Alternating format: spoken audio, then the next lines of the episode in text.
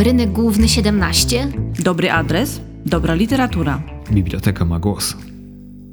Podobno jedyne życie, jakie ma sens, to życie towarzyskie, jak zwykł mawiać swego czasu Edward Dziewoński. My troszkę na kanwie tego stwierdzenia przygotowałyśmy dzisiejszy, osiemnasty, pełnoletni odcinek, w którym o tym życiu towarzyskim możemy powiedzieć bez cenzury i ograniczeń. Oczywiście możemy zacząć od tego, co często się zdarza, czyli powołania się na badania naukowców, a jak już o nich wspominamy, no to zwykle lubimy sięgać do efektów prac y, naukowców amerykańskich, a jakże. No i oni udowodnili, że jesteśmy stworzeniami stadnymi, które potrzebują innych ludzi do tego, by czuć się spełnionymi, szczęśliwymi. Przygotowałyśmy oczywiście partię książek, chociaż Ty, Aniu, również y, zaproponujesz nam, z tego co widzę, film. Oczywiście wszystkie, jak zawsze, będą pochodziły propozycje z naszych zbiorów tradycyjnych i tych audiowizualnych. Pozwolę sobie zacząć od y, książki Doroty Wellman, która stricte nosi tytuł Życie towarzyskie. Jest to rodzaj poradnika znanej, popularnej dziennikarki telewizyjnej, jak przyjąć gości i nie zwariować, proste przepisy na niedrogie dania, pomysłowe dekoracje, garść złotych rad. Autorka dodaje, że kiedy świat wokół nas tylko przyspiesza, spotkanie przy stole w gronie bliskich i przyjaciół jest jedynym sposobem, żeby się w tym pędzie czasem nie wykoleić. Dlatego gotujmy, dekorujmy stoły, wyprawiajmy urodziny, świętujmy imieniny. Dorota podpowie, jak to zrobić. I zabroni tłumaczyć się brakiem czasu, bo skoro ona go znajduje, to każdy z nas będzie w stanie to zrobić. I choć przyznaje, że nie jest mistrzem kuchni, nie jest Magdą Gessler, ani Modestem Amaro, to jednak uwielbia gotować i kocha dzielić się tym, co przygotuje z y, innymi, dbając też o pewien entourage, o to, jak wygląda dekoracja, jak wygląda zestawa, w jakim jest to otoczeniu, a czasami sięga po pomysły i przygotowuje imprezy tematyczne, na przykład uczty serowe, uczty białe, uczty czerwone i całość podporządkowuje temu kolorowi. I to Świetny w kwestii pomysł. smaku, estetyki, ale także aranżacji stołu. Książka jest bardzo ładnie też wydana. Ma mnóstwo zdjęć autorstwa, uwaga, męża autorki, czyli Krzysztofa Wellmana. Rzeczywiście y, jest prosa, to znaczy szereg rad możemy zastosować niezależnie od tego, czy mieszkamy w jakimś bardzo luksusowym domu, czy w mieszkaniu 40-metrowym. Te pomysły są też na, myślę, każdą kieszeń, a także pomysły kulinarne już typowo. Też Czyli jesteśmy- możemy znaleźć przepisy. tak, tak, tak. Właśnie są tu i przepisy, jeśli chodzi o dania, i przepisy na to, jak zaaranżować na przykład oprawę świetlną, Czy dekoracje E, stołu. tak. Mhm. jak zadbać o rośliny w wazonach, bo uwielbia kwiaty, e, lubi także te polne. Podpowiadaj, co zrobić, żeby one przetrwały jak najdłużej, żeby ładnie się prezentowały, żeby w oryginalny sposób je na stole zaprezentować. Polecam, taka prosta, bez zadymki, bez udziwnień, bez udawania kogoś, kim się nie jest. Prosta książka z prostymi przepisami, które myślę, że spokojnie mogą nas zachęcić do tego, by I zainspirować. kogoś zaprosić, Ugościć. pousztować i to życie towarzyskie urozmaicić. Natomiast e, książką, którą bardzo, bardzo chciałabym polecić, jest praca Aleksandry Szarłat Spatif Upajający pozór wolności. Książka niezwykła, nieprawdopodobna, także pod kątem ogromu pracy, którą autorka wykonała, by ten niezwykły środowiskowy portret przygotować. Spatif, czyli klub aktora, legendarne miejsce, pierwotnie w Warszawie, ale później były także takie punkty satelitarne w innych miejscach, między innymi w Sopocie. Niezwykłe miejsce, które na przestrzeni kilkudziesięciu lat odegrało bardzo znaczącą rolę, jeśli chodzi o integracji środowiska, choć, jak przyznaje autorka, wcale nie było takie sielankowe, arkadyjskie. I pozwolę sobie zacytować e, kilka fragmentów, bo nie wiem, czy będę w stanie się ograniczyć tylko do jednego. Zaczyna się to dedykacją kolorowym ptakom, niestrudzonym tancerzom, przygodnym muzykantom i biesiadnikom. Wszystkim tym, dla których klub aktora Spatif stał się drugim domem. Tyle dedykacja, a mottem jest fragment wiersza Wisławy Szymborskiej Atlantyda. Istnieli albo nie istnieli, na wyspie albo nie na wyspie, ocean albo nie ocean. Połknął ich albo nie. To powieść o świecie, którego już nie ma. Jej bohaterowie pochodzą z różnych kręgów. Tańczą swój chocholi taniec na ruinach czasu. Biesiadują na tle grobów ofiar II wojny światowej i stalinizmu. Manifestacji 1956 roku, marca 1968, grudnia 1970, czerwca 1976 i sierpnia 1980. Żyją w czasie zawieszonym, w pomiędzywojniu. Chcieliby zatrzasnąć za sobą drzwi przeszłości, ale nie potrafią. Jak pisał Molaparte, wojna nigdy nie kończy się dla tych, co walczyli. Zapomnieć o przyszłości i rozczarowaniu, jakie przyniosła rzeczywistość, pomaga spirytus, duch ze spirytusem pomieszany. Daje pozór wolności, upaja. Wraz z otrzeźwieniem pojawia się kac, a z nim wracają realia. Z tymże nieuchwytnym wymiarem wiąże się najgłębsze pragnienie Kazimierza Brandysa. Poprosiłbym o to, żeby czas mijał wolniej, sto razy wolniej, dziesięć razy wolniej, bo mimo złej pogody i ciemności, mimo niewesołych myśli, pomimo wszystko bardzo nie chciałoby się stąd odchodzić. Tyle, że w klubach środowiskowych czas biegnie nielinearnie, jak we śnie z zaburzonym porządkiem zdarzeń, w którym wszystko jest możliwe. Klub aktora Spatif działa przez cały okres PRL-u z krótką przerwą w stanie wojennym. Teoretycznie do dziś, a praktycznie do transformacji ustrojowej. Pełni funkcję wentyla napięć społecznych, dzięki zaś wyjątkowym bywalcom łączącym okres międzywojenny ze współczesnością zapewnia to, co w kulturze nieodzowne ciągłość. Książka jest pełna anegdot, niesłychanie barwnych portretów, cudownych e, osób, które kojarzymy z ekranu, ale także tych mniej znanych z produkcji filmowych tamtego okresu, ale doskonale kojarzonych właśnie poprzez anegdoty, poprzez przekazywane opowieści. Niektóre z nich oczywiście czytamy po raz kolejny, niektóre e, mogą być dla nas e, nowe.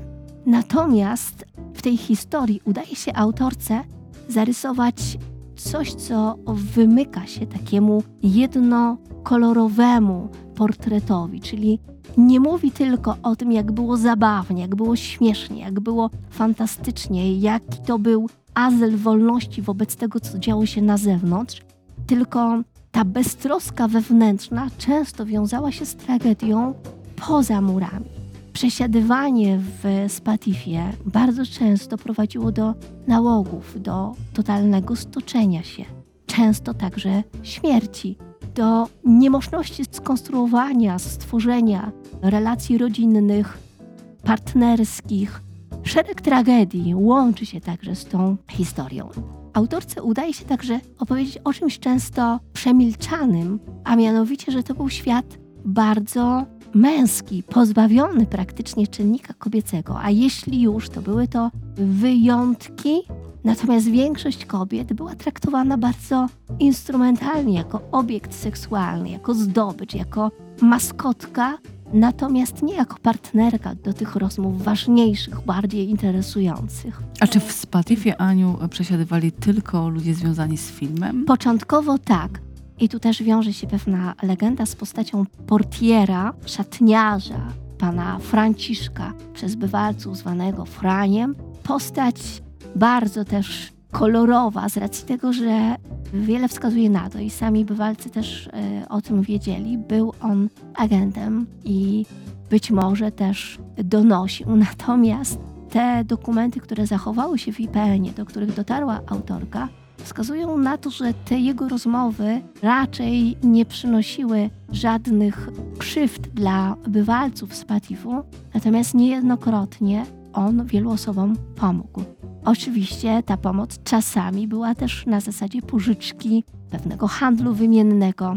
Miał nieprawdopodobne kontakty z całym światem, który miał dostęp do papierosów, do alkoholu, do waluty. Pan Franek był po prostu człowiekiem instytucją i on rzeczywiście wprowadzał selekcję, że osób niezrzeszonych nie wpuszczał, wymagał od nich legitymacji, ale osoby, które były rozpoznawalne lub które miały z nim jakiś dobry układ, po prostu były wpuszczane. A później przy zmianie ustrojowej Spatif się skomercjalizował i to, czy się miało legitymację, czy nie, nie czy się było aktorem, nie miało zupełnie znaczenia. Ważne było, ile się A zostawi. z takich głośnych nazwisk są wymienieni? Och, to jest cała Szereg. galeria, tak. I Janusz Głowacki, i Jan Himmelsbach, i Gustaw Holubek.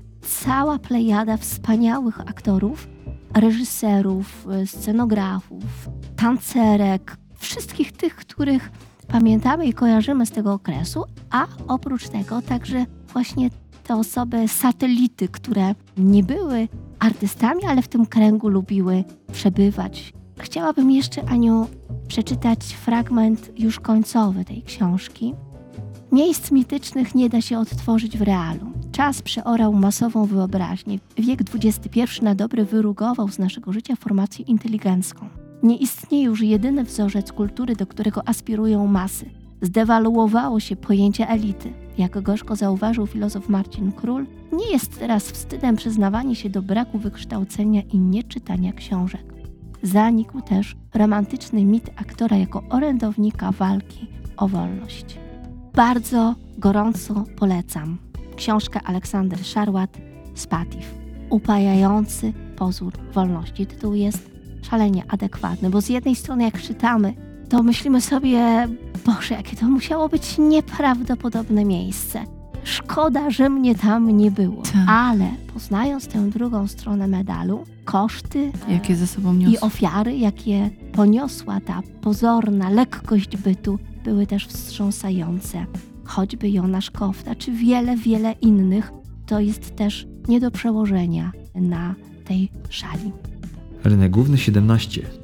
Aniu, a teraz przejdźmy do ciebie, a później pozwolę sobie jeszcze ja coś zaproponować. Oczywiście.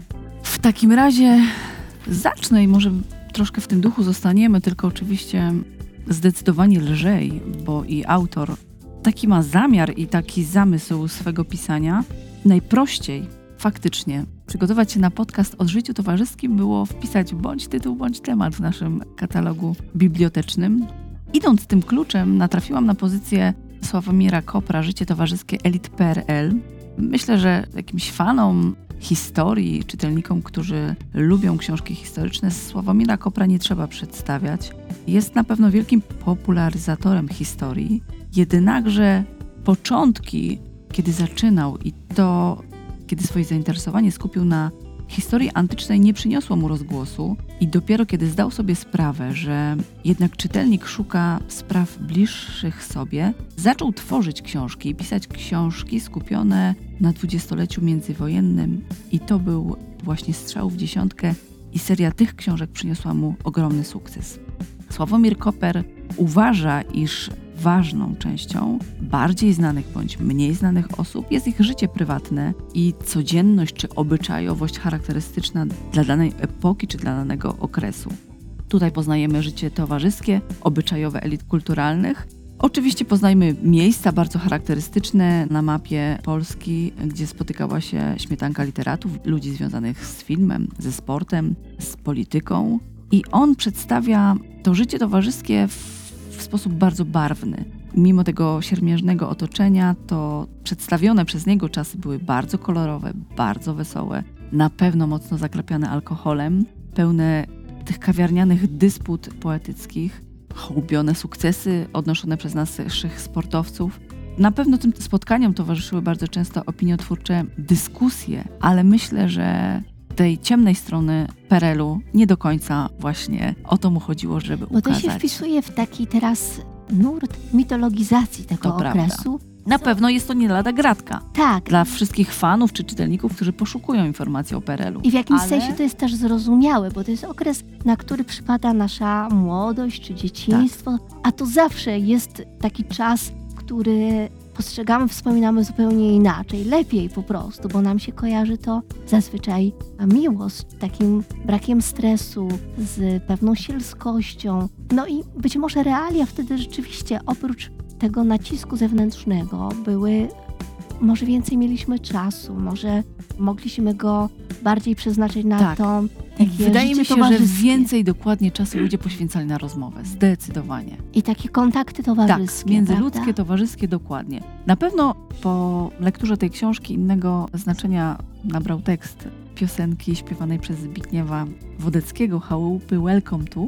Przytoczę tylko fragmencik. Od początku lat 60. stołeczni artyści wypoczywali w chałupach. Było to wówczas miejsce zupełnie odludne, bez kempingów, ośrodków, funduszów czasów pracowniczych czy branżowych czasów. Wieś szybko stała się modna w kręgach stołecznej elity kulturalnej, a ci, którzy wypoczywali w pobliskiej Kuźnicy, uważani byli za gorszych i przyjeżdżali do chałup na kawę. Nikt nie zwracał uwagi na prymitywne warunki bytowe. Domy nie miały bowiem kanalizacji ani bieżącej wody. Wyposażenie pokoi również było skromne, a w miejscowym sklepie można było nabyć tylko podstawowe produkty. Pomimo tego miejscowość szybko stała się modna. Nazywano ją nawet polskim Saint-Tropez. Okolice chałup y, bardzo szybko stały się na tyle modne, że pojawili się naturyści i myślę, że to za ich sprawą potem siła ciężkości towarzyskich wyjazdów naszych elit kulturalnych przeniosła się do Juraty.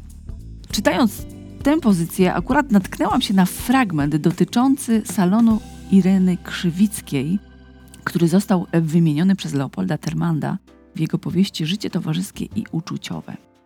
Leopold Tyrmand swoją książkę Życie towarzyskie i uczuciowe uważa za najlepszą powieść, jednak Państwowy Instytut Wydawniczy zwlekał z publikacją tej powieści. W międzyczasie Tyrmandowi udało się uzyskać paszport i poniekąd obrażony na zaistniałą sytuację w 1965 roku wyjechał z Polski. Decyzję o swoim powrocie właśnie uzależniając od tego, czy powieść ukaże się drukiem. Jednak publikacji nie doczekał się i książka została wydana dopiero w roku 1967 w Paryżu za przyczyną Instytutu Literackiego. Jednak książka zdecydowanie przeszła bez echa. Tak podkrótce to historia Warszawy lat 1946-1959, w której żyli, tworzyli artyści, w której możemy spotkać ludzi kultury, dziennikarzy. Tyrmand prowadzi swoich czytelników ulicami miasta, zaprasza ich do domów poszczególnych bohaterów, czy chociażby sadza przy kawiarnianych stolikach. Pokazuje jednak niestety zgniliznę ówczesnej polskiej inteligencji, która według niego wyziera z każdego kąta. Tak naprawdę Tyrmand bez żadnego skrępowania pokazał moralny upadek zarówno pisarzy, jak i ludzi związanych z filmem, dla których podstawowym profitem była sława, sukces, bycie rozpoznawalnym, a co niestety opierało się na służalczej postawie wobec ówczesnego ustroju. I tak sobie myślę, że mimo, że powieść się zestarzała, to mimo wszystko ta powieść skłania do wielu re- refleksji. Przede wszystkim do refleksji nad istotą sztuki i nad zależnością między kulturą a polityką. Tyrman zaszyfrował swoją opowieść, zadając tym samym kłam notatce, która figuruje na początku książki, jakoby postacie, zdarzenia, sytuacji i dialogi poniższej powieści nie mają odpowiedników w życiu, są fikcją, tworem imaginacji. Oczywiście ci, którzy potrafią książkę rozszyfrować, wiedzą, kto jest kim, a poprzez e, swoją publikację Tyrman na pewno spalił za sobą wszystkie mosty towarzyskie. Serdecznie polecam. Ja mam e, jeszcze takie propozycje, również e, mówiące o nazwiskach z pierwszych stron e, ówczesnych gazet, ale i pamiętane do dzisiaj. Jest to książka Anny Lisieckiej, Wakacje 1939. Przyznam, że z ogromnymi nadziejami sięgnęłam po tę książkę, zwłaszcza też gdy przeczytałam wstęp, w którym autorka mówi, że badając tamten okres, i opisując y, różne postaci, pomyślała sobie, że bardzo ciekawie byłoby się przyjrzeć, jak wyglądały ostatnie wakacje przed wybuchem II wojny światowej. Widziała uśmiechnięte twarze aktorów, opowieści o ich planach wakacyjnych, o letnich występach, zapowiedzi rozpoczętych produkcji filmów, które jesienią wejdą na ekrany. Stwierdziła, że to wielki temat, czyli ludzie i ich nadzieje, tęsknoty, projekty, kipiące, upalne lata życie. Wszystko to w różnych pejzażach, w innych niż dzisiejsze granicach, często z imponującą infrastrukturą, jak sławny pociąg do bogatych Lux Torpeda. Spodziewałam się, że to będzie taki portret różnych osób, którym wtedy przyszło żyć i być może zarejestrowały się ich pierwsze reakcje na te niepokojące sygnały, które z całą pewnością już w sierpniu 1939 roku zapowiadały to zagrożenie, które ma nadejść.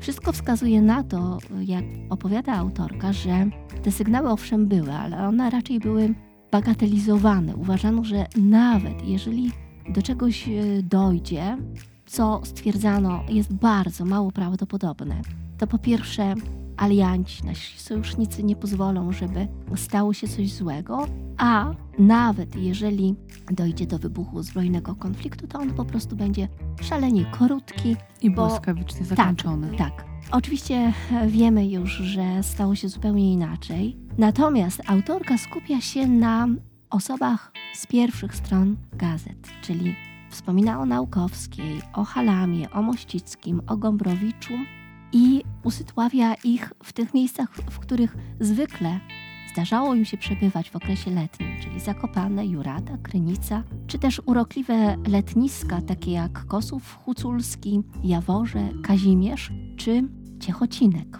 Natomiast nie wiem, czy to z braku też y, takich śladów wprost, tylko szczątkowo skupia się na tym konkretnym roku i na konkretnym lecie, bardziej daje taki portret ówczesnych lat i tego, jak środowisko spędzało czas w latach właśnie 20-30. Kto się spodziewa, że to będzie taki rys dokładnie tego momentu, to może się poczuć zawiedziony, rozczarowany. Ta książka jest niezwykle ciekawa poprzez swoje materiały fotograficzne, gazety, pocztówki, zdjęcia i na nich czasami właśnie pojawiają się tak zwani zwykli ludzie. Oprócz tego, że oczywiście bardzo bogato ilustrowane jest życie ówczesnej elity. Dla kontrastu tylko napomknę, że powstała inna książka autorstwa Marcina Wilka, zatytułowana Pokój z widokiem, lato 1939.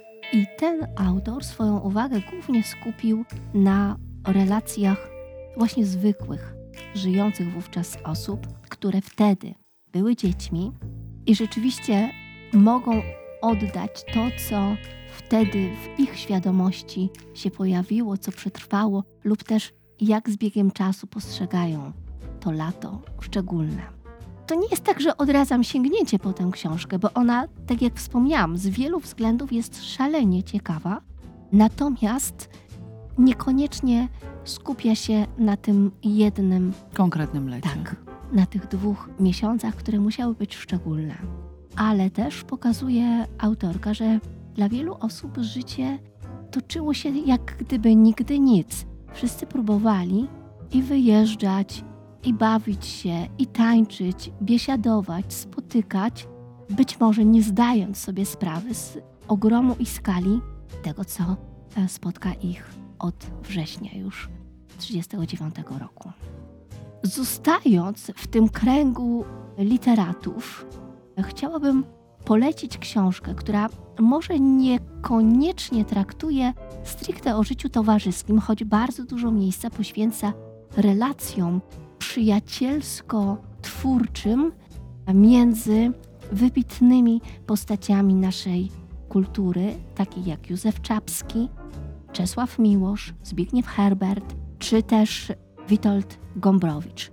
Wieloletnie badania autora, czyli Andrzeja Franaszka, pozwoliły na zebranie felietonów powstających w różnym okresie, jak sam przyznaje, ale teraz przygotowując ten zbiór, jeszcze raz poddał je swojej lekturze i weryfikacji i często poszczególne fragmenty były pisane od nowa, bo jego spojrzenie się także pod wpływem i czasu, i dokumentów, do których udało mu się dotrzeć, zmieniło. Książka nosi tytuł Gwiazda Piołun opowieści o poezji, podróżowaniu i przyjaźni. Poszczególne rozdziały skupione są właśnie na relacji dwójki osób, albo jest to Miłosz i Herbert, albo Miłosz i Czapski. I choć bardzo dużo miejsca poświęca ich twórczości, to jednak przede wszystkim próbuje odtworzyć, jakie były ich kontakty, jak ze sobą rozmawiali, jak ze sobą korespondowali, w jaki sposób ta relacja się rozwijała, na ile różnych zakrętów była narażona.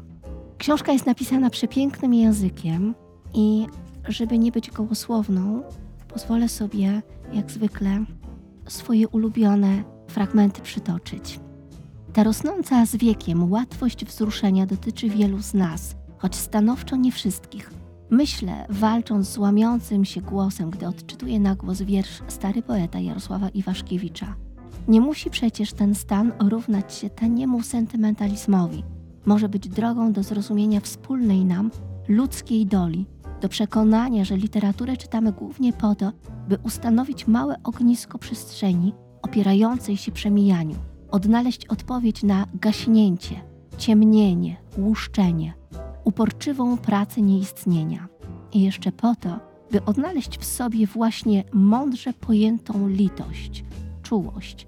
Ten rodzaj miłości, który niedawno skupił na sobie naszą uwagę dzięki Nagrodzie Nobla dla Olgi Tokarczuk. Autorka prawieku bowiem mądrze nam przypomniała.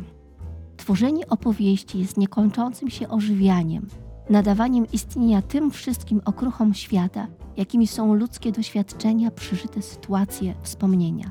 Czułość personalizuje to wszystko, do czego się odnosi. Pozwala dać temu głos, dać przestrzeń i czas do zaistnienia i ekspresji. To czułość sprawia, że imbryk zaczyna mówić. Czułość jest tą najskromniejszą odmianą miłości. To ten jej rodzaj, który nie pojawia się w pismach ani w Ewangeliach. Nikt na nią nie przysięga, nikt się nie powołuje. Nie ma swoich emblematów ani symboli, nie prowadzi do zbrodni ani do zazdrości. I dalej, czułość dostrzega między nami więzi, podobieństwa i tożsamości. Jest tym trybem patrzenia, które ukazuje świat jako żywy, żyjący, powiązany ze sobą, współpracujący i od siebie współzależny. Literatura jest właśnie zbudowana na czułości wobec każdego innego od nas bytu. Jeśli więc chcemy poznać życiorysy intensywne, pełne dramatyzmu, odbijające w sobie konwulsje dziejów, musimy zwrócić się do biografii Miłosza czy Iwaszkiewicza, nie zaś ku tym, które kształtują się na naszych oczach. Mam nadzieję, że obok apokaliptycznej gwiazdy piołun, która zatruwa goryczą wody naszego życia, jest na tych stronach także pokrzepiające promieniowanie czułości, tej, o której mówi Tokarczuk, i zarazem tej, o, o której przed laty pisał Miłosz, tendresse. Wolę to słowo niż polskie czułość, kiedy ściska w gardle, dlatego że istota, na którą patrzę, jest tak bardzo krucha, ranliwa, śmiertelna. Wtedy tendresse. Polecam tę książkę. E, Nie jest może ona łatwa w lekturze.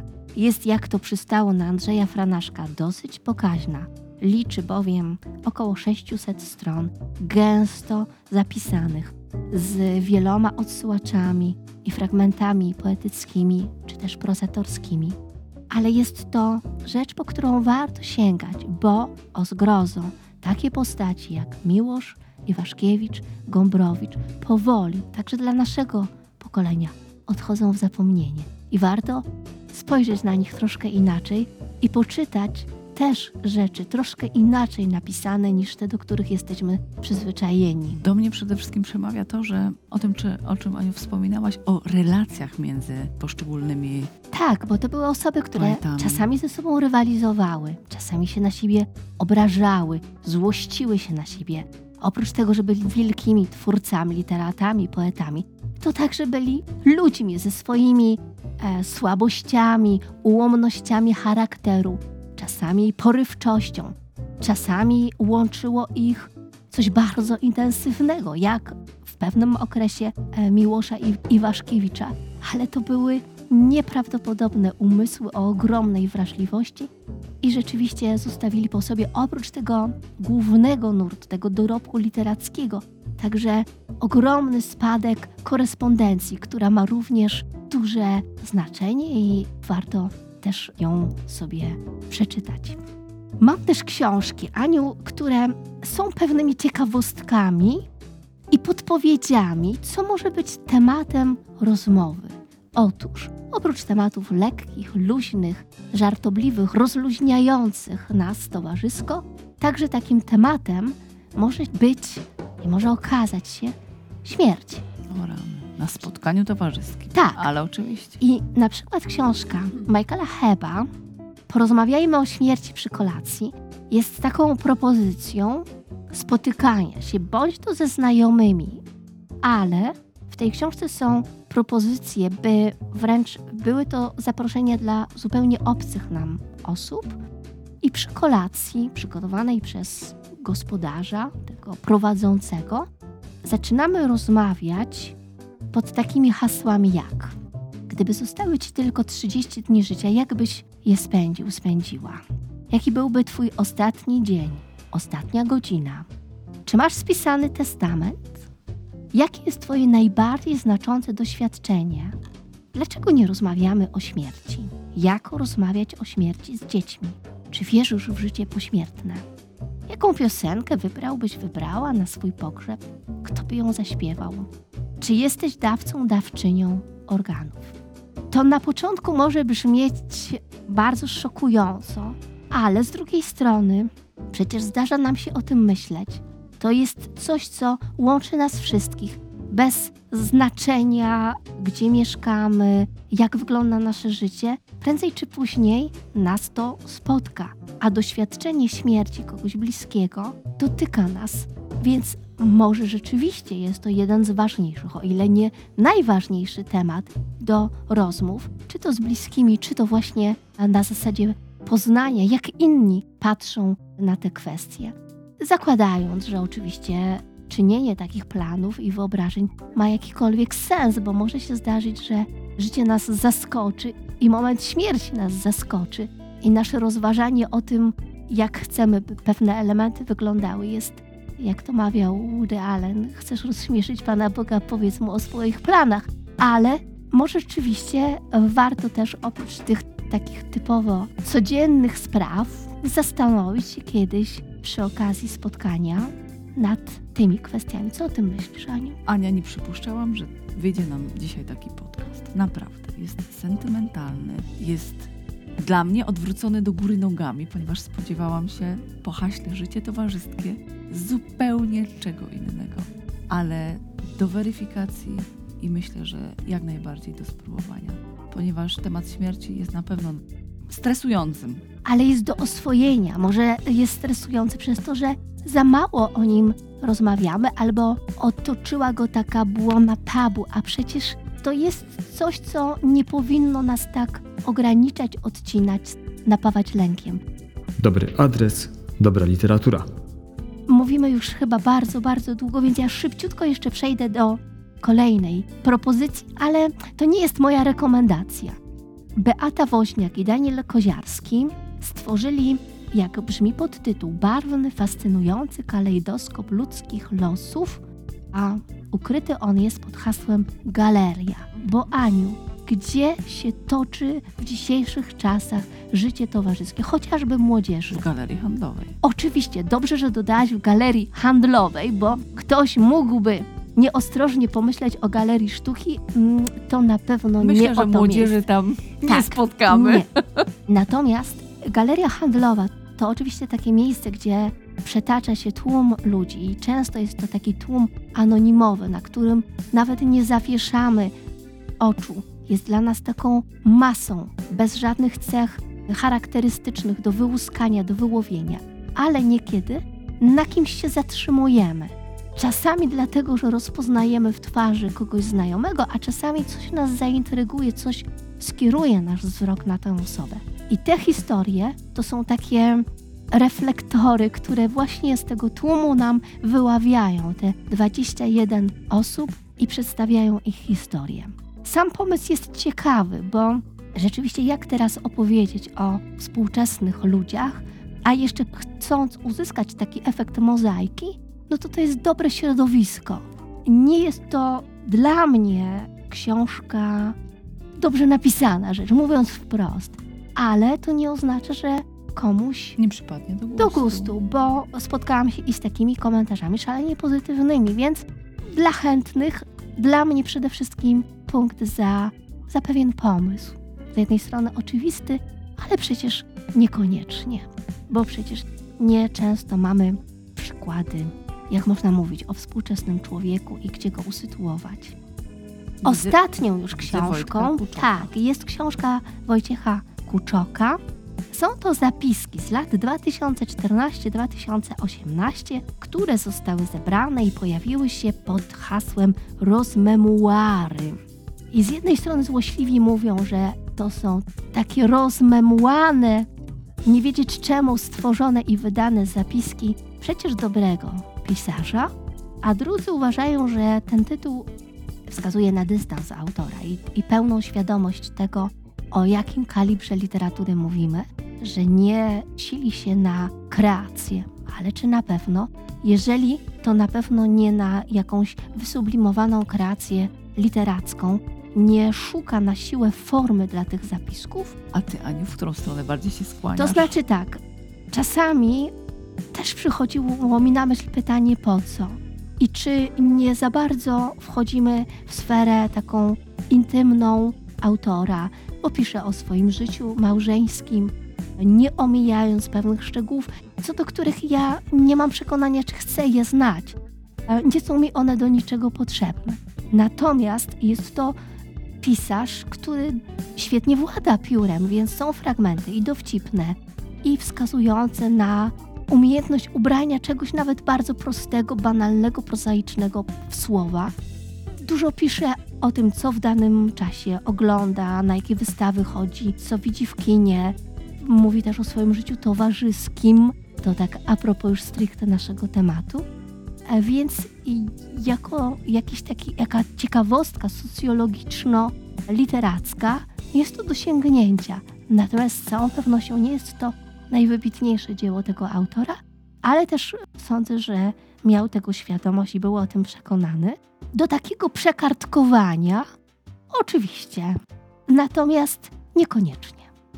Książki, której nie mamy do tej pory w zbiorach bibliotecznych, możecie się Państwo z nią zapoznać jedynie poprzez platformę Legimi, ale mam nadzieję, że do nadrobienia i będzie warto e, zakupić do biblioteki i tę pozycję. Mówię o książce Urszuli Dąbrowskiej Życie towarzyskie mózgu 21 powodów, by być z ludźmi. Książka, która powstała tak naprawdę dzięki pandemii, ponieważ e, autorka zbierała się do napisania jej od roku 2018. Stopniowo zbierała materiał, tworzyła konspekt, napisała kilkanaście stron i jakby nie wiedziała, co dalej z, z książką uczynić. I dopiero dla niej takim kopem motywacyjnym tak naprawdę stała się przymusowa izolacja, bo stwierdziła, że ona nie może, ona musi napisać, jak ważne jest to, byśmy żyli wśród ludzi. Mimo, że to, o czym wspominałaś, Aniu, na samym początku, są wśród nas introwertycy, którzy cenią samotność, którzy lubią być sami ze sobą, to jednak samotność autorka wręcz porównuje do choroby otyłości, zawija człowieka. Książka liczy 21 rozdziałów i autorka pochyla się w każdym z nich nad pozytywnym aspektem bycia z ludźmi. Jest oczywistym to, że powinniśmy się otaczać bliskimi, powinniśmy żyć wśród życzliwych ludzi, ponieważ to sprzyja zdrowiu. Jesteśmy wówczas szczęśliwsi, przede wszystkim żyjemy dłużej. I to jest ważne. Autorka podkreśla, że bardzo ważne w przypadku szczególnie mężczyzn jest małżeństwo. Małżeństwo samo w sobie jest dużo ważniejsze dla mężczyzn. Żonaci panowie żyją dłużej niż rozwodnicy lub kawalerowie. W przypadku kobiet ten efekt nie jest tak silny. Naukowcy sugerują, że dla większości mężczyzn żona stanowi główne źródło emocjonalnego wsparcia oraz pomost do innych więzi międzyludzkich. Z kolei kobiety budują system kontaktów ze znajomymi i przyjaciółmi bez względu na to, czy pozostają w stałym związku czy nie. Autorzy badań są jednak pewni, realne i regularne kontakty społeczne są niezwykle istotne. Autorka w swojej publikacji podkreśla przede wszystkim zły aspekt samotności, dotyczący przede wszystkim czwartej ćwiartki życia i podkreśla fakt, że aktywni seniorzy żyją dłużej, są szczęśliwsi i doradza, bo wie, że to jest trudne, jeżeli ktoś w wieku dorosłym, dojrzałym jest samotnikiem, żeby już zacząć dbać o dobre relacje, które będą procentowały na starość. Przyjaźnie, relacje, dobre znajomości są dobre na każdy dzień i tak naprawdę na każdy problem. I chociażby to, o czym mówiłaś, Aniu, o śmierci, o stresie, który się z nią wiąże, przegadane, przepracowane z życzliwymi ludźmi, na pewno dostarcza o wiele mniej stresu niż, niż myślenie o tym w pojedynkę i w samotności. I myślę, że to jest chyba najlepsza rekomendacja tej książki. Pewne afrykańskie przysłowie, które przytacza autorka. Chcesz iść szybko? Idź sam. Chcesz zajść daleko? Idź z innymi. Serdecznie polecam Życie towarzyskie mózgu Urszuli Dąbrowskiej. Wspomniałaś, Aniu, na początku o tym, że chciałam Państwu polecić również film. Film, który był dla mnie ogromnym zaskoczeniem. Jego tytuł to Kolacja. Wybrałam go spośród innych ze względu Na na, tytuł. to, Bo skoro kolacja, to musi to być jest życie towarzyskie, dokładnie. Film z roku 2016 w reżyserii Orena Movermana. Książka odniosła spektakularny sukces. Ukazała się w 50 krajach. Film rozpoczyna się sceną, kiedy w bardzo modnej, w bardzo ekskluzywnej restauracji spotykają się na kolacji dwaj bracia ze swoimi partnerkami, z, z małżonkami.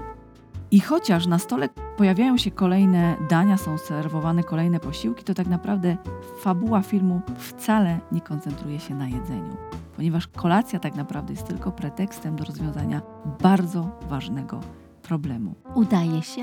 Cudowne w tym filmie jest to, że widz zostaje z tym problemem sam, ponieważ ten film tak naprawdę, jego głównym dla mnie wątkiem jest rodzicielska odpowiedzialność za dzieci. Ponieważ to, co było przyczynkiem spotkania, okazało się, że jest do rozwiązania ogromny problem dotyczący dzieci, dzieci, które dopuściły się zbrodni. I mimo, że nam w życiu wydaje się, że jesteśmy szlachetni, mamy wysokie morale, to w zderzeniu z pewną sytuacją i obronie tych, których kochamy najbardziej, Jesteśmy w stanie zrobić wiele. O bardzo ile nie wiele. wszystko. o ile właśnie nie wszystko. Film jest bardzo poruszający, bardzo głęboki, dotyczy naprawdę takich ważkich, prawdziwych kwestii. Trzeba się mocno skupić. Jest dosyć długi, dwugodzinny i bardzo często zmienia się czas i miejsce akcji, bo tak naprawdę widzimy trzy wątki. Wątek w restauracji, wątek dotyczący przestępstwa i wątek dotyczący bardzo złożonej historii rodziny. Serdecznie Polecasz, polecam. Aniu? Bardzo. A powiedz mi, Aniu, gdybyś miała zorganizować taki seans dla znajomych bądź dla członków rodziny, to jest taki film, który po prostu bez wahania byś wybrała i, i puściła dla wszystkich zaproszonych na taki seans. Myślę, że kolacja byłaby jedną z nich. Przypominam sobie w przypadku e, naszego podcastu o małżeństwie film pod tytułem Rzeź, który również e, obrócił wszystko do góry nogami, był świetny. I Aniu, moim takim chyba, jednak moim zdecydowanym faworytem byłby film Nieznajomi. A ty, Aneczko? Co Ja swoim... Do takiego wspólnego oglądania to lubię taką klasyk komedii romantycznych, więc y, Notting Hill, Mhm. lubię Cztery Wesela i Pogrzeb, lubię Bridget Jones i To możemy oglądać w różnych składach, niezależnie od liczby wyświetleń dla poszczególnych osób. Natomiast nie do końca chyba lubię oglądać dramaty wspólnie, bo to już wymaga takiego większego skupienia, a jak jest więcej osób, Ale daje pole do dyskusji. tak, z jednej strony tak, ale to lepiej obejrzeć oddzielnie, a później najwyżej omówić, bo tak jakbyśmy mieli się spotkać, to chyba, chyba dramatu bym nie wybrała. Jedna. Jednak nie. Biblioteka ma głos. Aniu, czy masz już jakiś pomysł na kolejny odcinek? Moja propozycja na kolejny podcast moda. W grudniu, czyli przed Sylwestrem, przed świętami, to idealny temat. Serdecznie zapraszamy już dzisiaj. Dziękujemy. Anna Ptaszkiewicz-Godzina. Anna Sobula. Realizacja i mixing Radosław Świerkosz.